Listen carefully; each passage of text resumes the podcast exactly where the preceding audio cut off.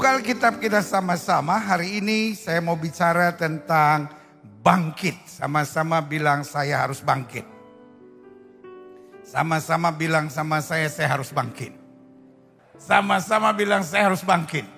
Salah satu yang iblis mau buat dalam hidup kita adalah kelemahan. Iblis ingin kita nggak buat apa-apa. Iblis ingin kita cuma mengeluh. Iblis ingin kita menyalahkan keadaan. Ya situasi begini pendeta. Ya pandemi nggak berakhir-berakhir. Habis dari Delta ntar uh, ada lagi Omikron. Nanti Tante Mikron. Apalagi lah segala macam. Tapi hari ini saya mau bilang, Alkitab bilang apa yang dapat digoncangkan akan digoncangkan supaya tinggal tetap kerajaan yang tidak tergoncangkan. Dan untuk itu Alkitab bilang umat yang mengenal Allahnya akan tetap kuat dan bertindak. Yang setuju katakan amin.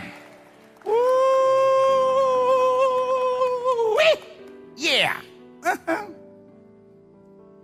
Buka Alkitab kita sama-sama, Yesaya pasal 60 di bawah judul perikop kemuliaan Tuhan atasmu. Taruh tangan kanan saudara di dada sama-sama bilang kemuliaan Tuhan atas saya.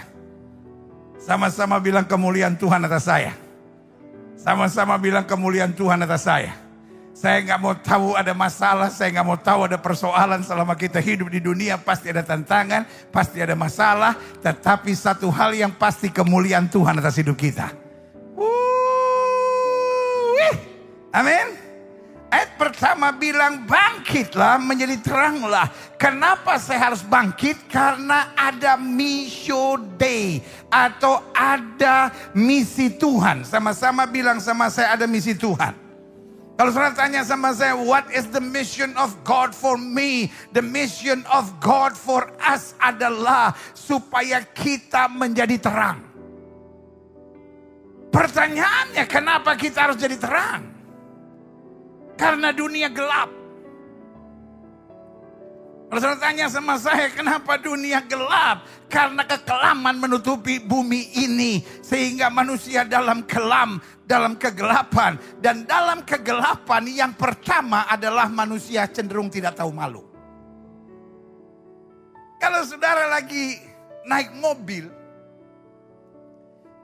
lalu kebelet number one, atau ingin throw art water dalam bahasa Inggris. Apa itu throw art water? Buang air seni. Atau throw small water. Buang air kecil. Mungkin saudara menata saya berkata, itu pelajaran bahasa Inggris dari mana? Lu itu memang terjemahannya. Throw art water. Kalau saudara lagi naik mobil di mana begitu. Tiba-tiba saudara kebelet number one. Gak mungkin saudara cari tempat terang. Betul? Saya akan cari tempat yang gelap. Dari tempat gelap, people don't know nothing. Dan cenderungnya akhirnya kita nggak merasa malu. Nah kalau kita pelajari hari-hari ini, Indonesia punya pejabat yang pintar-pintar. Yang profesor lah, doktor lah, lulusan luar negeri lah. Tapi saya khawatir banyak pejabat tidak tahu malu. Korupsi lah. Punya perempuan lain lah. Dan dunia hari-hari ini saya khawatir banyak orang tidak tahu malu. Orang udah punya anak gadis, masih pacaran sama orang yang se, uh, dengan wanita seumur anaknya. Udah punya suami, masih chatting-chatting sama mantannya. Iya kan? Dunia di mana kita hidup menjadi dunia yang apa tidak tahu malu. Karena merasa dalam gelap.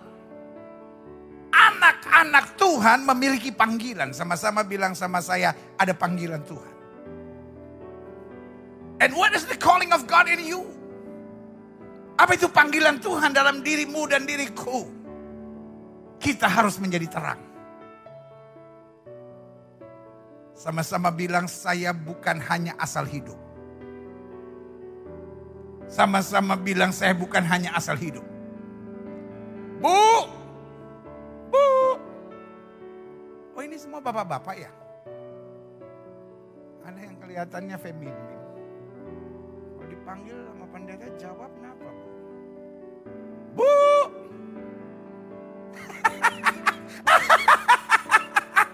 Lemes banget bu.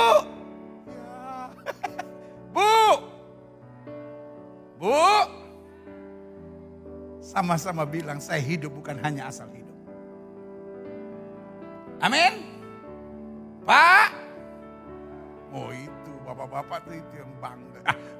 Tangan dulu buat bapak-bapak. Itu, itu dia itu mantap itu bapak-bapak. Pak. Nah, Pak. Gitu, Bu.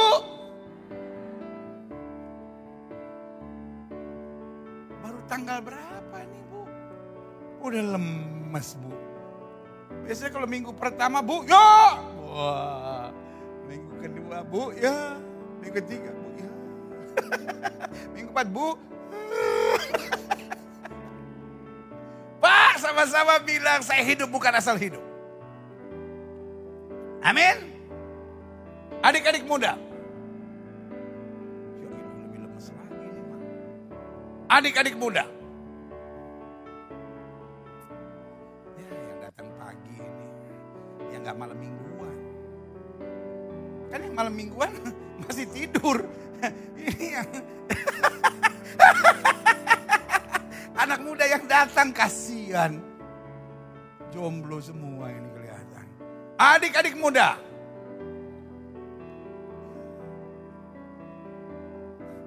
Doain pasangan teman hidup. Makanya malam mingguan lu. Adik-adik muda sama-sama bilang sama saya. Saya hidup bukan asal hidup. Karena there is a vision of God, there is dream of God. Ada mimpinya Tuhan, ada rancangan Tuhan supaya hidup kita menjadi terang. Amin. Makanya ayat ini bilang apa? Ya saya 60 ayat 1 sampai 5. Dan bangkitlah menjadi teranglah sebab apa? Terangmu datang dan kemuliaan Tuhan terbit atasmu. Jadi ada worldly realm and ada godly realm. Jadi ada jalurnya daging. Jalur daging adalah kita menghadapi tantangan, kita menghadapi masalah. Tapi nothing come by surprise buat kita. Nggak ada yang mengejutkan buat kita. Karena Alkitab sudah bilang di hari-hari terakhir akan datang masa yang sukar. Sama-sama bilang saya harus siap.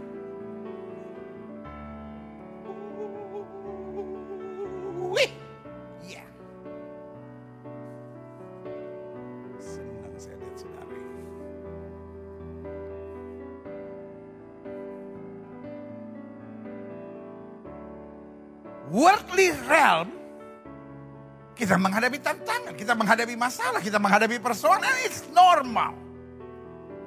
Tanya sama orang sebelah saudara, kamu ada masalah juga? Eh. Siang udah jarak-jarak jauh-jauh, nggak ditanyain gitu ya kan? Tanya sama, kamu ada masalah juga? Udah? Nengok ke belakang, lihat sama orang yang di belakang dari tadi cuma ngeliatin ketumbe saudara aja. Bilang sama dia, kamu ada masalah juga. Iya kan kita semua ada masalah. Sama-sama bilang saya ada masalah. Tapi Alkitab bilang in spiritual realm, in godly realm, di jalurnya Tuhan dikatakan terangmu datang dan kemuliaan Tuhan terbit atasmu. Taruh tangan kanan sudah di dada sama-sama bilang dalam hidup saya ada kemuliaan Tuhan. Kalaupun kata dokter engkau sakit, kalaupun ekonomimu goncang, kalaupun badai menerpa, berdiri tegak dan bilang saya tetap harus bangkit karena kemuliaan Tuhan terbit atas hidup saya. Yang setuju katakan amin. Ayat kedua bilang, sebab sesungguhnya kegelapan menutupi bumi. Lihat ya, ada God's realm, ada worldly realm. Ada yang kita harus lihat dengan kacamata iman, Halo? Ada yang kita lihat dalam kehidupan sehari-hari. Makanya Paulus bilang, hidup yang kujalani sekarang bukan karena melihat, tapi karena apa? Percaya. Ayat 2 bilang, sebab sesungguhnya, ini yang kita lihat dalam kehidupan kita. Jangan kita jadi lemah, jangan kita jadi putus asa, jangan kita jadi kecewa. Sebab sesungguhnya kegelapan menutupi bumi dan kekelaman menutupi bangsa-bangsa. Tetapi terang Tuhan terbit atasmu. Haleluya dan kemuliaannya apa? Menjadi nyata atasmu. Ayat yang ketiga. Bangsa-bangsa berduyun-duyun datang kepada terangmu dan raja-raja kepada cahaya yang terbit bagimu. Taruh tangan kanan sudah di dada sama-sama bilang saya punya sesuatu yang dunia nggak punya. Sama-sama bilang saya punya sesuatu yang dunia nggak punya. Orang lain boleh lebih kaya dari saudara, orang lain boleh lebih hebat dari saudara, orang lain boleh kelihatannya lebih berhasil dari saudara, tetapi engkau punya sesuatu yang dunia nggak punya.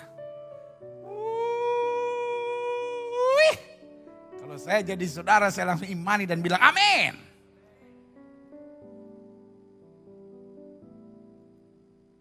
Dunia boleh lebih kaya dari saudara, dunia boleh lebih hebat dari saudara, dunia boleh kelihatan lebih berhasil. Tapi kita tetap lebih berpengharapan karena kita punya sesuatu yang dunia tidak punya.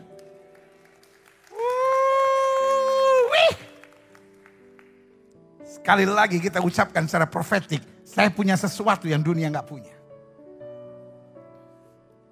Ketika saudara sedang lemah, ketika intimidasi iblis sedang menyerang saudara dan berkata, you are finished, you can't make it. Tegaskan diri saudara sendiri, kemuliaan Tuhan terbit atas hidup saya. Saya punya sesuatu yang dunia tidak punya. Saya akan bangkit dan melihat kemuliaan Tuhan dinyatakan. Ya setuju katakan, amin. Ayat 4 bilang apa? Angkatlah mukamu. Uh, wih. Angkatlah mukamu dan lihatlah ke sekeliling. Jangan cuma lihat masalah, jangan cuma lihat persoalan. Pendeta, suami saya punya perempuan lain pendeta. Rumah tangga saya diambang perceraian. Pendeta, anak saya pendeta yang dulu suka datang ke gereja pendeta. Sekarang dia terlibat narkoba pendeta saya gak sanggup lagi ngadepin hidup ini. Bu, kita boleh saja dihantam badai. Iblis akan berikan berbagai badai akan menggoncangkan kita. Lalu mungkin setelah menatap saya dan berkata, jika God is a good God. Kalau Tuhan adalah Allah yang baik, kenapa dia izinkan semuanya terjadi? Tidakkah kita ingat firman Tuhan dalam Roma 8 ayat 28? Allah turut bekerja, mendatangkan kebaikan bagi setiap orang yang mengasihi dia. Artinya Tuhan memang izinkan kadangkala badai menerpa. Tetapi badai tidak akan menghancurkan dan membunuh kita. Badai akan membuat kita lebih kuat, badai akan membuat kita lebih dewasa, badai akan membuat kita mengalami pengalaman-pengalaman dahsyat sampai kita berkata, aku tahu kepada siapa aku percaya, aku yakin dia berkuasa, aku tidak takut karena dia penopang hidupku, pemberi kemenangan yang tidak pernah mengecewakan aku. Haleluya.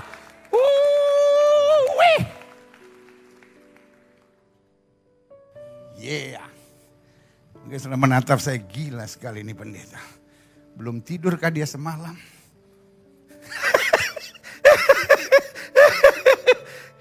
Saya baru pulang dari Amerika jam segini lagi seru-serunya ini. Masih jet lag saya ini. Saudara mungkin belum on. Masih pagi aja. Oh. Nanti yang jam satu saya agak ngantuk-ngantuk sedikit itu.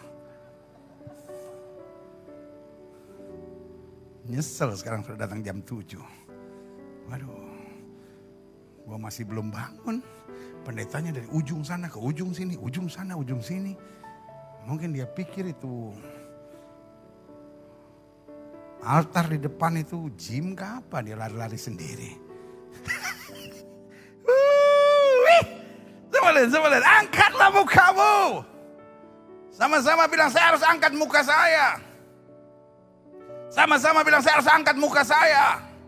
Bukan cuma tertunduk malu, tertunduk kecewa, tertunduk lemah. Karena berpikir saya menghadapi masalah, saya menghadapi tantangan, saya menghadapi hal-hal yang menyakitkan. Tetapi kita percaya Tuhan kita hidup, Tuhan kita dahsyat, Tuhan kita luar biasa. Dia merubah kutuk menjadi berkat. Dia merubah ratapan menjadi tari-tarian. Dia mengubah air mata menjadi mata air kemuliaan yang suju katakan amin. Lihat, selanjutnya angkatlah mukamu dan lihat sekeliling. Mereka semua datang berhimpun kepadamu. Anak-anakmu laki-laki datang dari jauh dan anak-anak perempuanmu digendong. Artinya hal-hal yang amazing. Hal-hal yang dahsyat, hal-hal yang gak kepikir. Hal-hal yang di luar nalar logika manusia. Tuhan kerjakan secara luar biasa. Yang setuju katakan saya percaya. Amin. Ayat 5. That day, pada waktu itu, you will be amazed. Engkau akan heran. Melihat dan berseri-seri.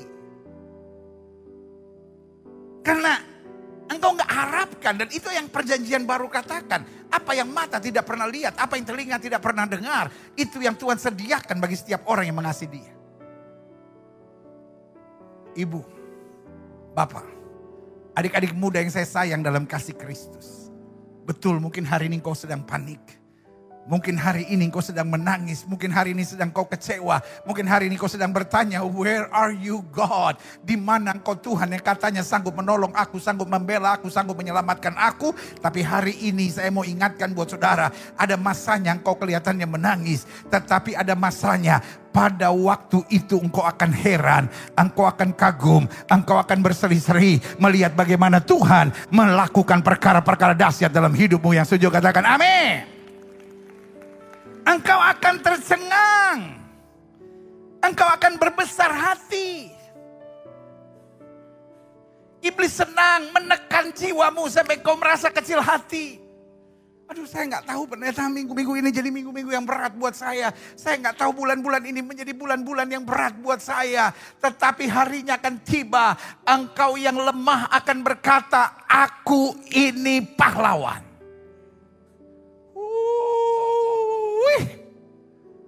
Orang mau bilang, wah si Gilbert itu pendeta kemakmuran, cuman bilang janji-janji. Loh, saya bukan ngomong janji, saya baca firman Tuhan.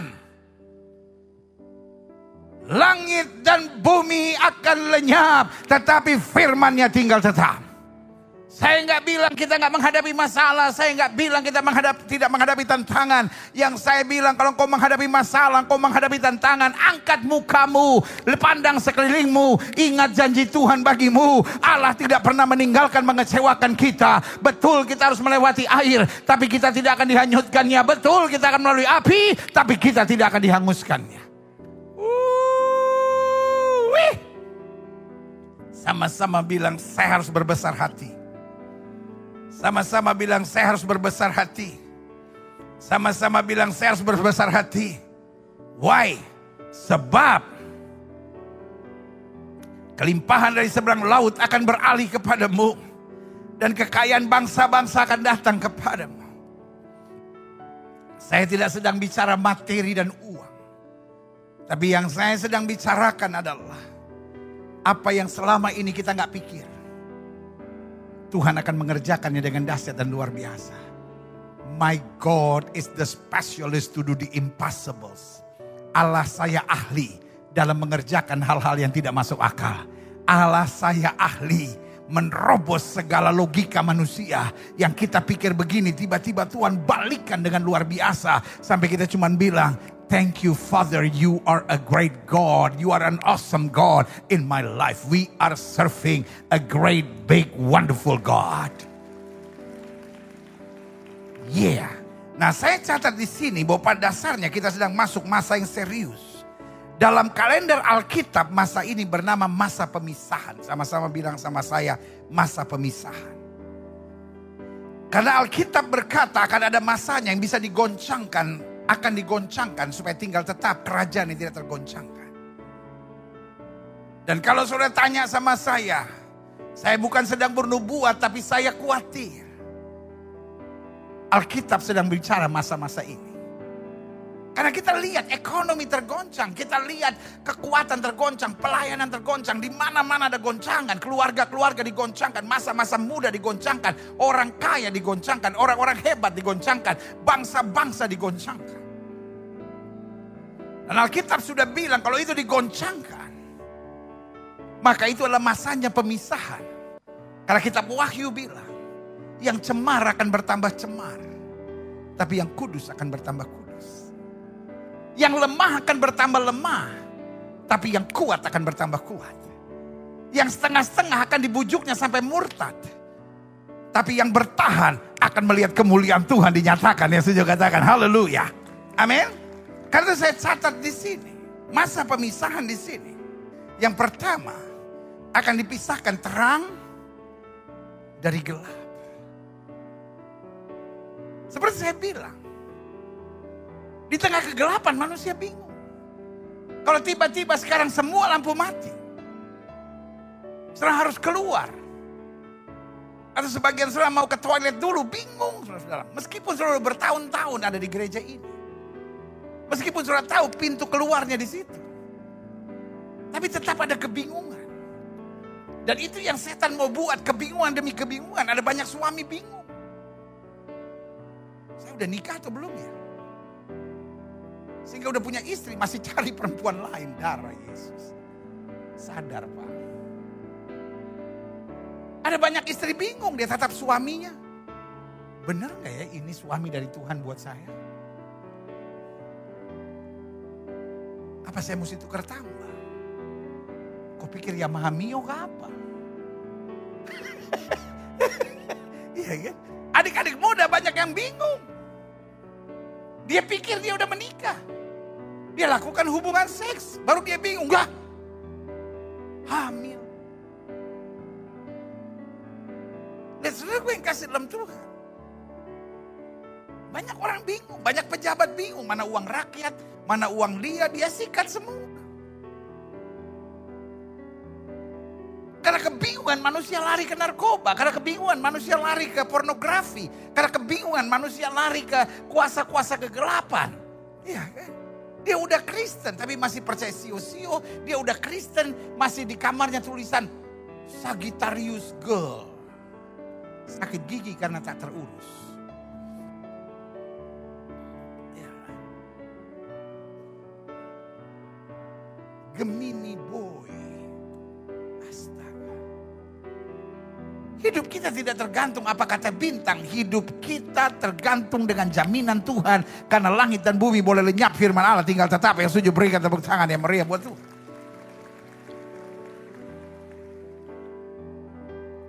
Makanya terang dipisahkan dari gelap.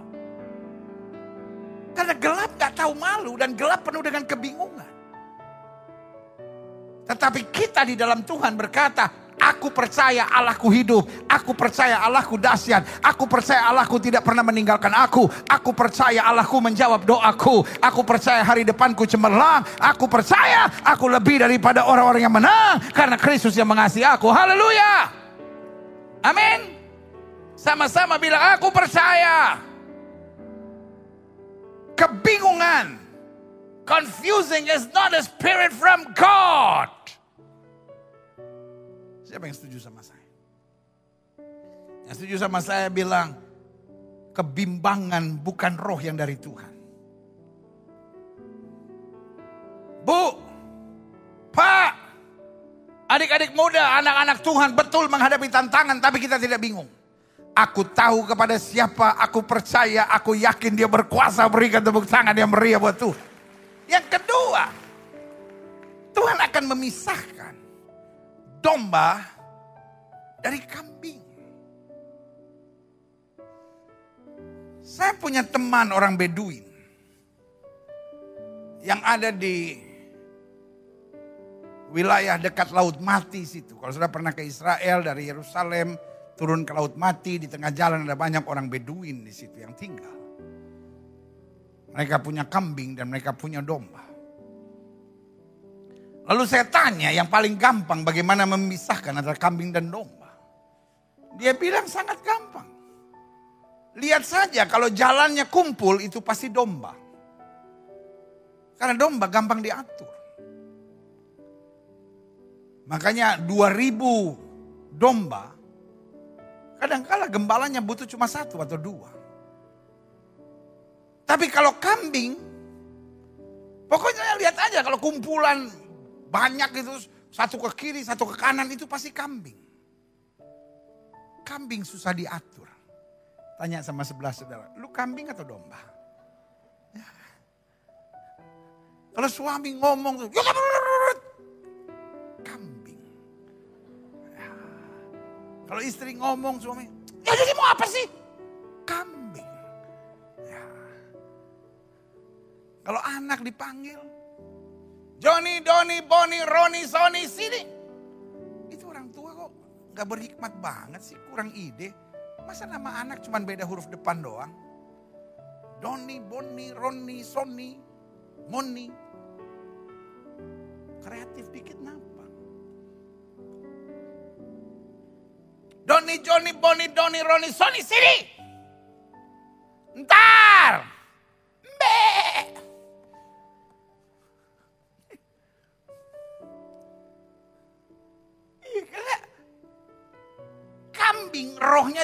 Pemberontakan. Rohnya tuh roh suka menyerang gitu. Jadi kalau orang tuh senangnya ngomongin orang gitu. Ngomongin mertuanya, ngomongin menantunya, ngomongin iparnya. Ngomong-ngomongin orang. Tahu nggak sih? Kan, iya, memang iya dari dulu. Ndek. Kalau kita mau jujur, dunia di mana kita hidup, dunia seperti itu. Karena itu terang harus dipisahkan dari gelap, domba harus dipisahkan dari kambing. Sama-sama bilang, saya dombanya Kristus. Jangan kembali jadi kambing ya. Yang ketiga, di masa goncangan ini Tuhan sedang memisahkan. Terang dari gelap, domba dari kambing. Dan gandum dari lalang.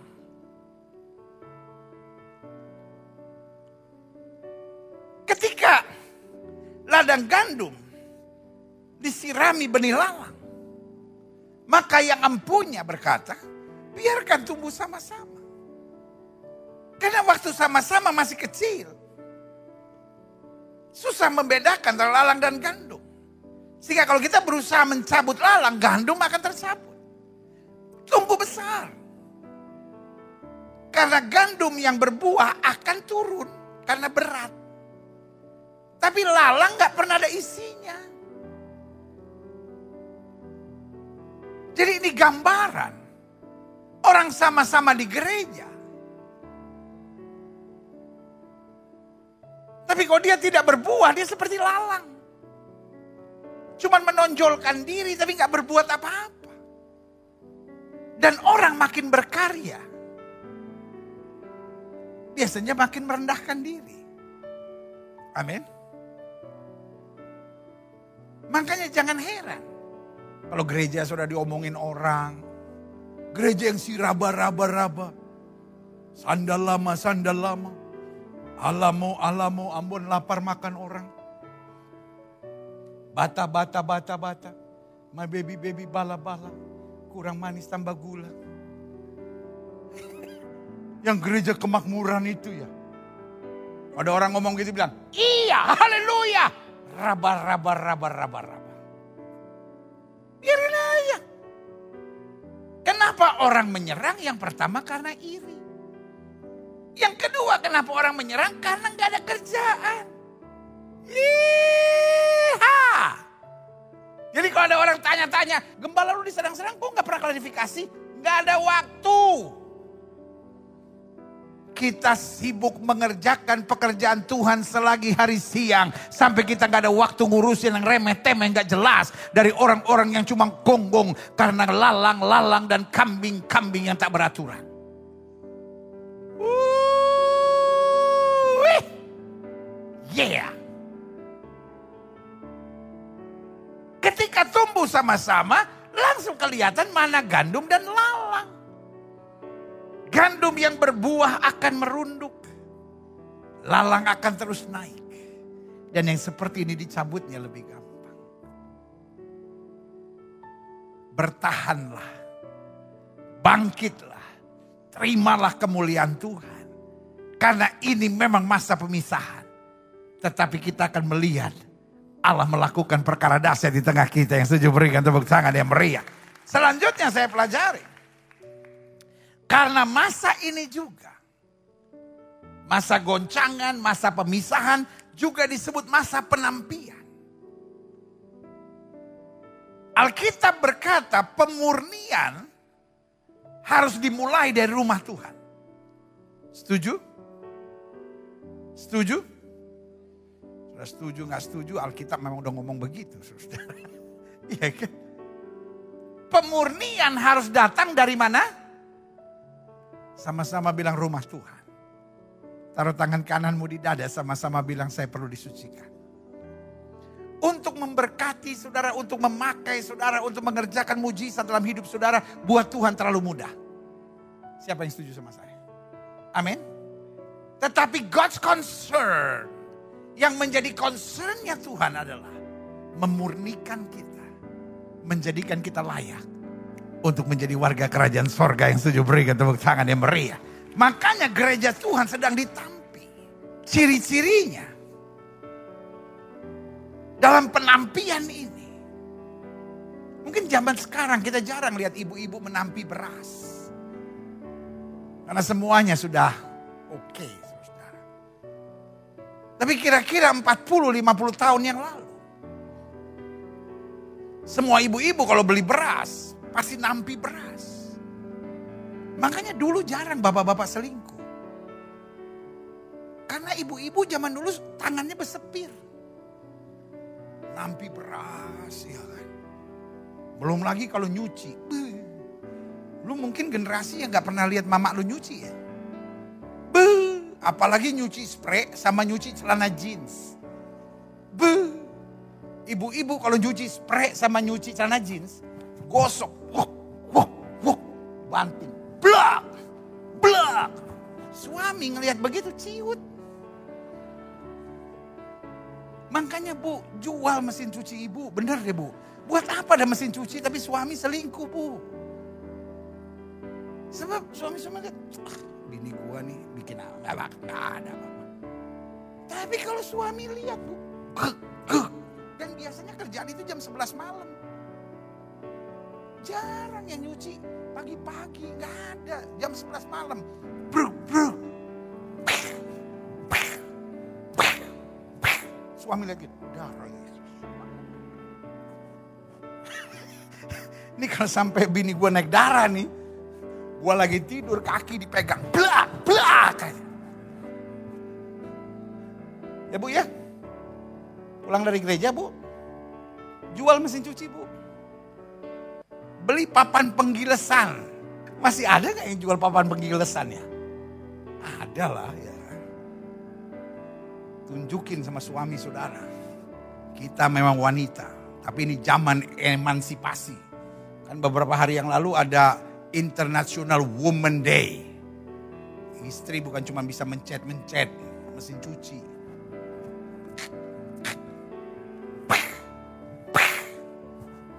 lagi di kanji. Habis di kanji di belau. uh, sambil masukin belau istri ngomong. Mau set, mau uh, saya jin belau mana pun. Gua banting bentar lagi nih lihat. Ini yang di atas 50 tahun ngerti nih yang saya ngomong. Yang di bawah umur 30 tahun dia bingung. Kanji apa sih mak? Belau apa sih? ya kan? Jadi di masa penampian ciri-cirinya banyak orang bingung. Di situlah pemisahan terjadi dan yang kedua, banyak orang mencari pelarian karena nggak tahan ditampi. Orang bingung dan mencari apa? Pelarian. Dan kalau kita mau jujur, hari-hari ini banyak orang gereja bahkan mencari pelarian. Banyak orang gereja masih lari dengan pornografi. Banyak orang gereja masih perdebatkan sebetulnya vape itu boleh atau tidak. Banyak orang gereja masih mempersoalkan. Minum alkohol itu masih boleh atau tidak. Iya kan? Karena banyak orang begitu tertekan. Tetapi Alkitab berkata, mari kita mengerjakan pekerjaan dia selagi hari siang. Amin. Sama-sama bilang ini waktunya untuk bekerja buat Tuhan.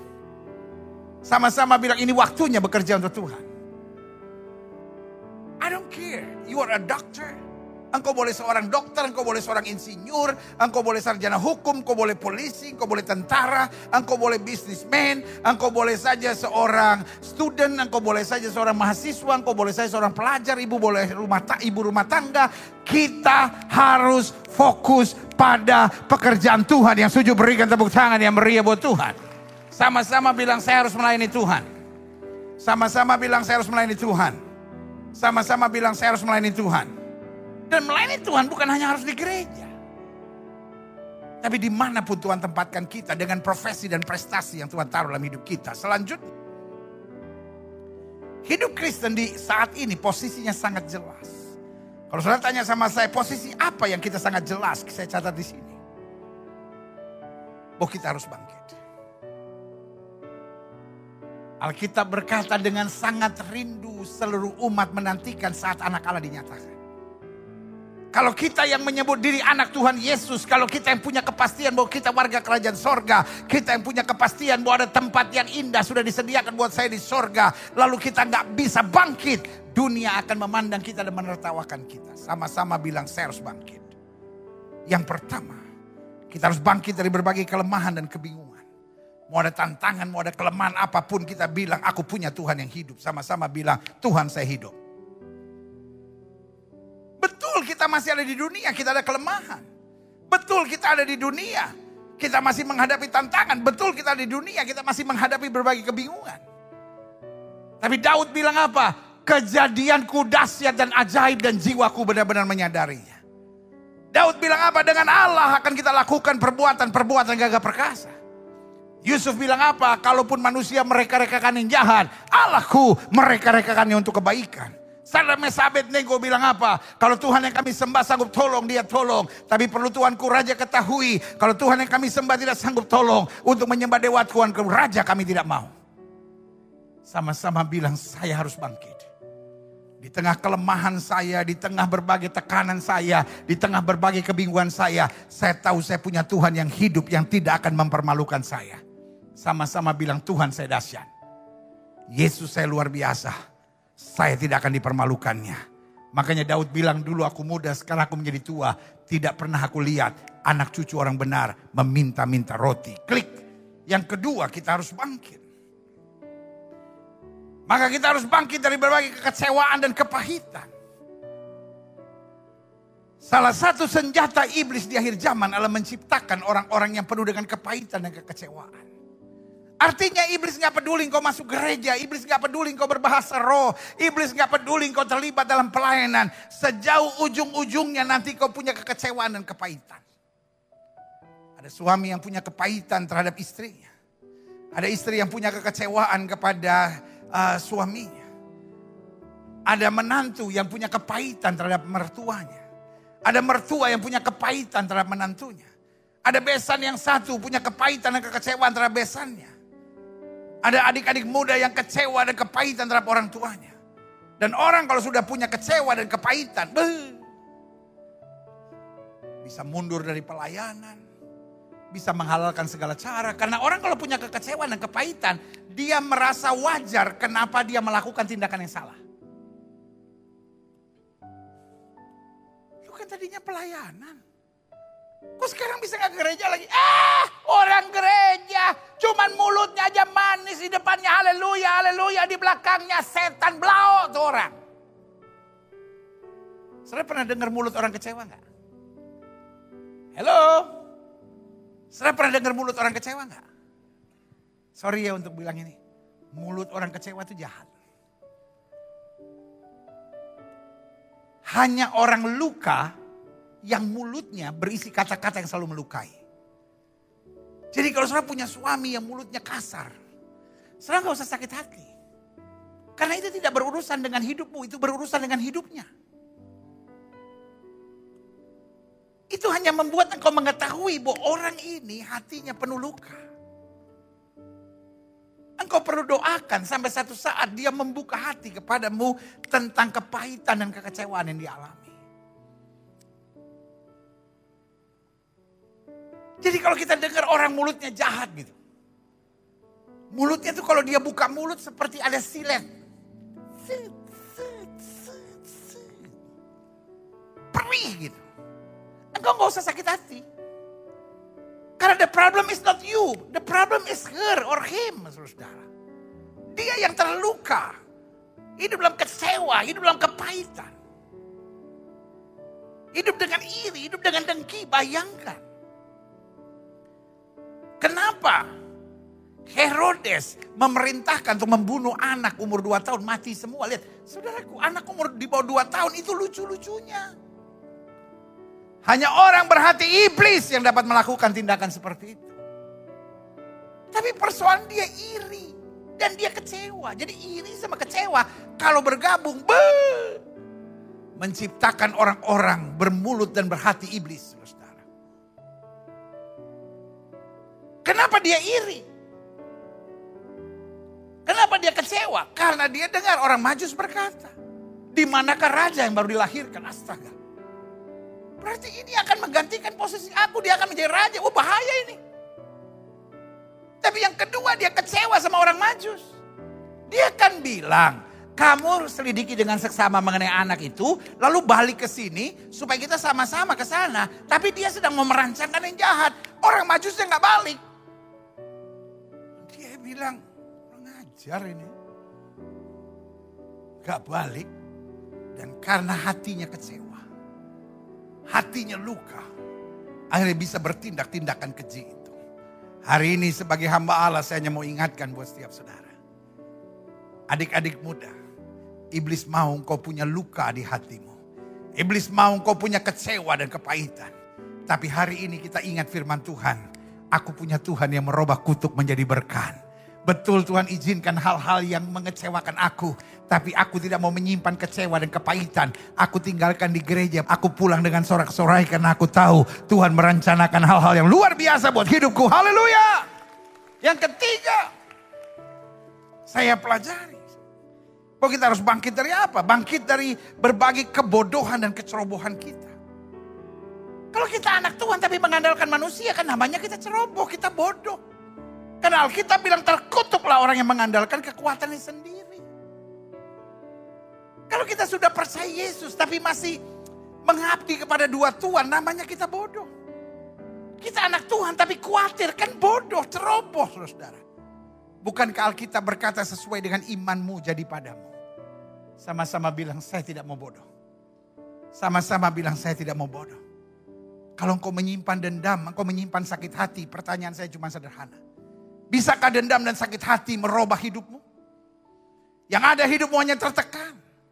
Kalau hidupmu hanya mengeluh, bersungut-sungut, mengeluh dan bersungut-sungut, engkau tidak akan melihat kemenangan dalam hidupmu. Alkitab bilang bersyukurlah kepada Tuhan sebab dia baik. Bahwasanya itu selama-lamanya kasih setianya memberikan tepuk tangan yang meriah buat Tuhan. Bodoh tidak ada hubungan dengan bangku sekolah. Tapi bodoh berhubungan dengan langkah-langkah yang salah yang kita ambil dalam hidup kita. Selama saya tidak miring ke kiri maupun miring ke kanan.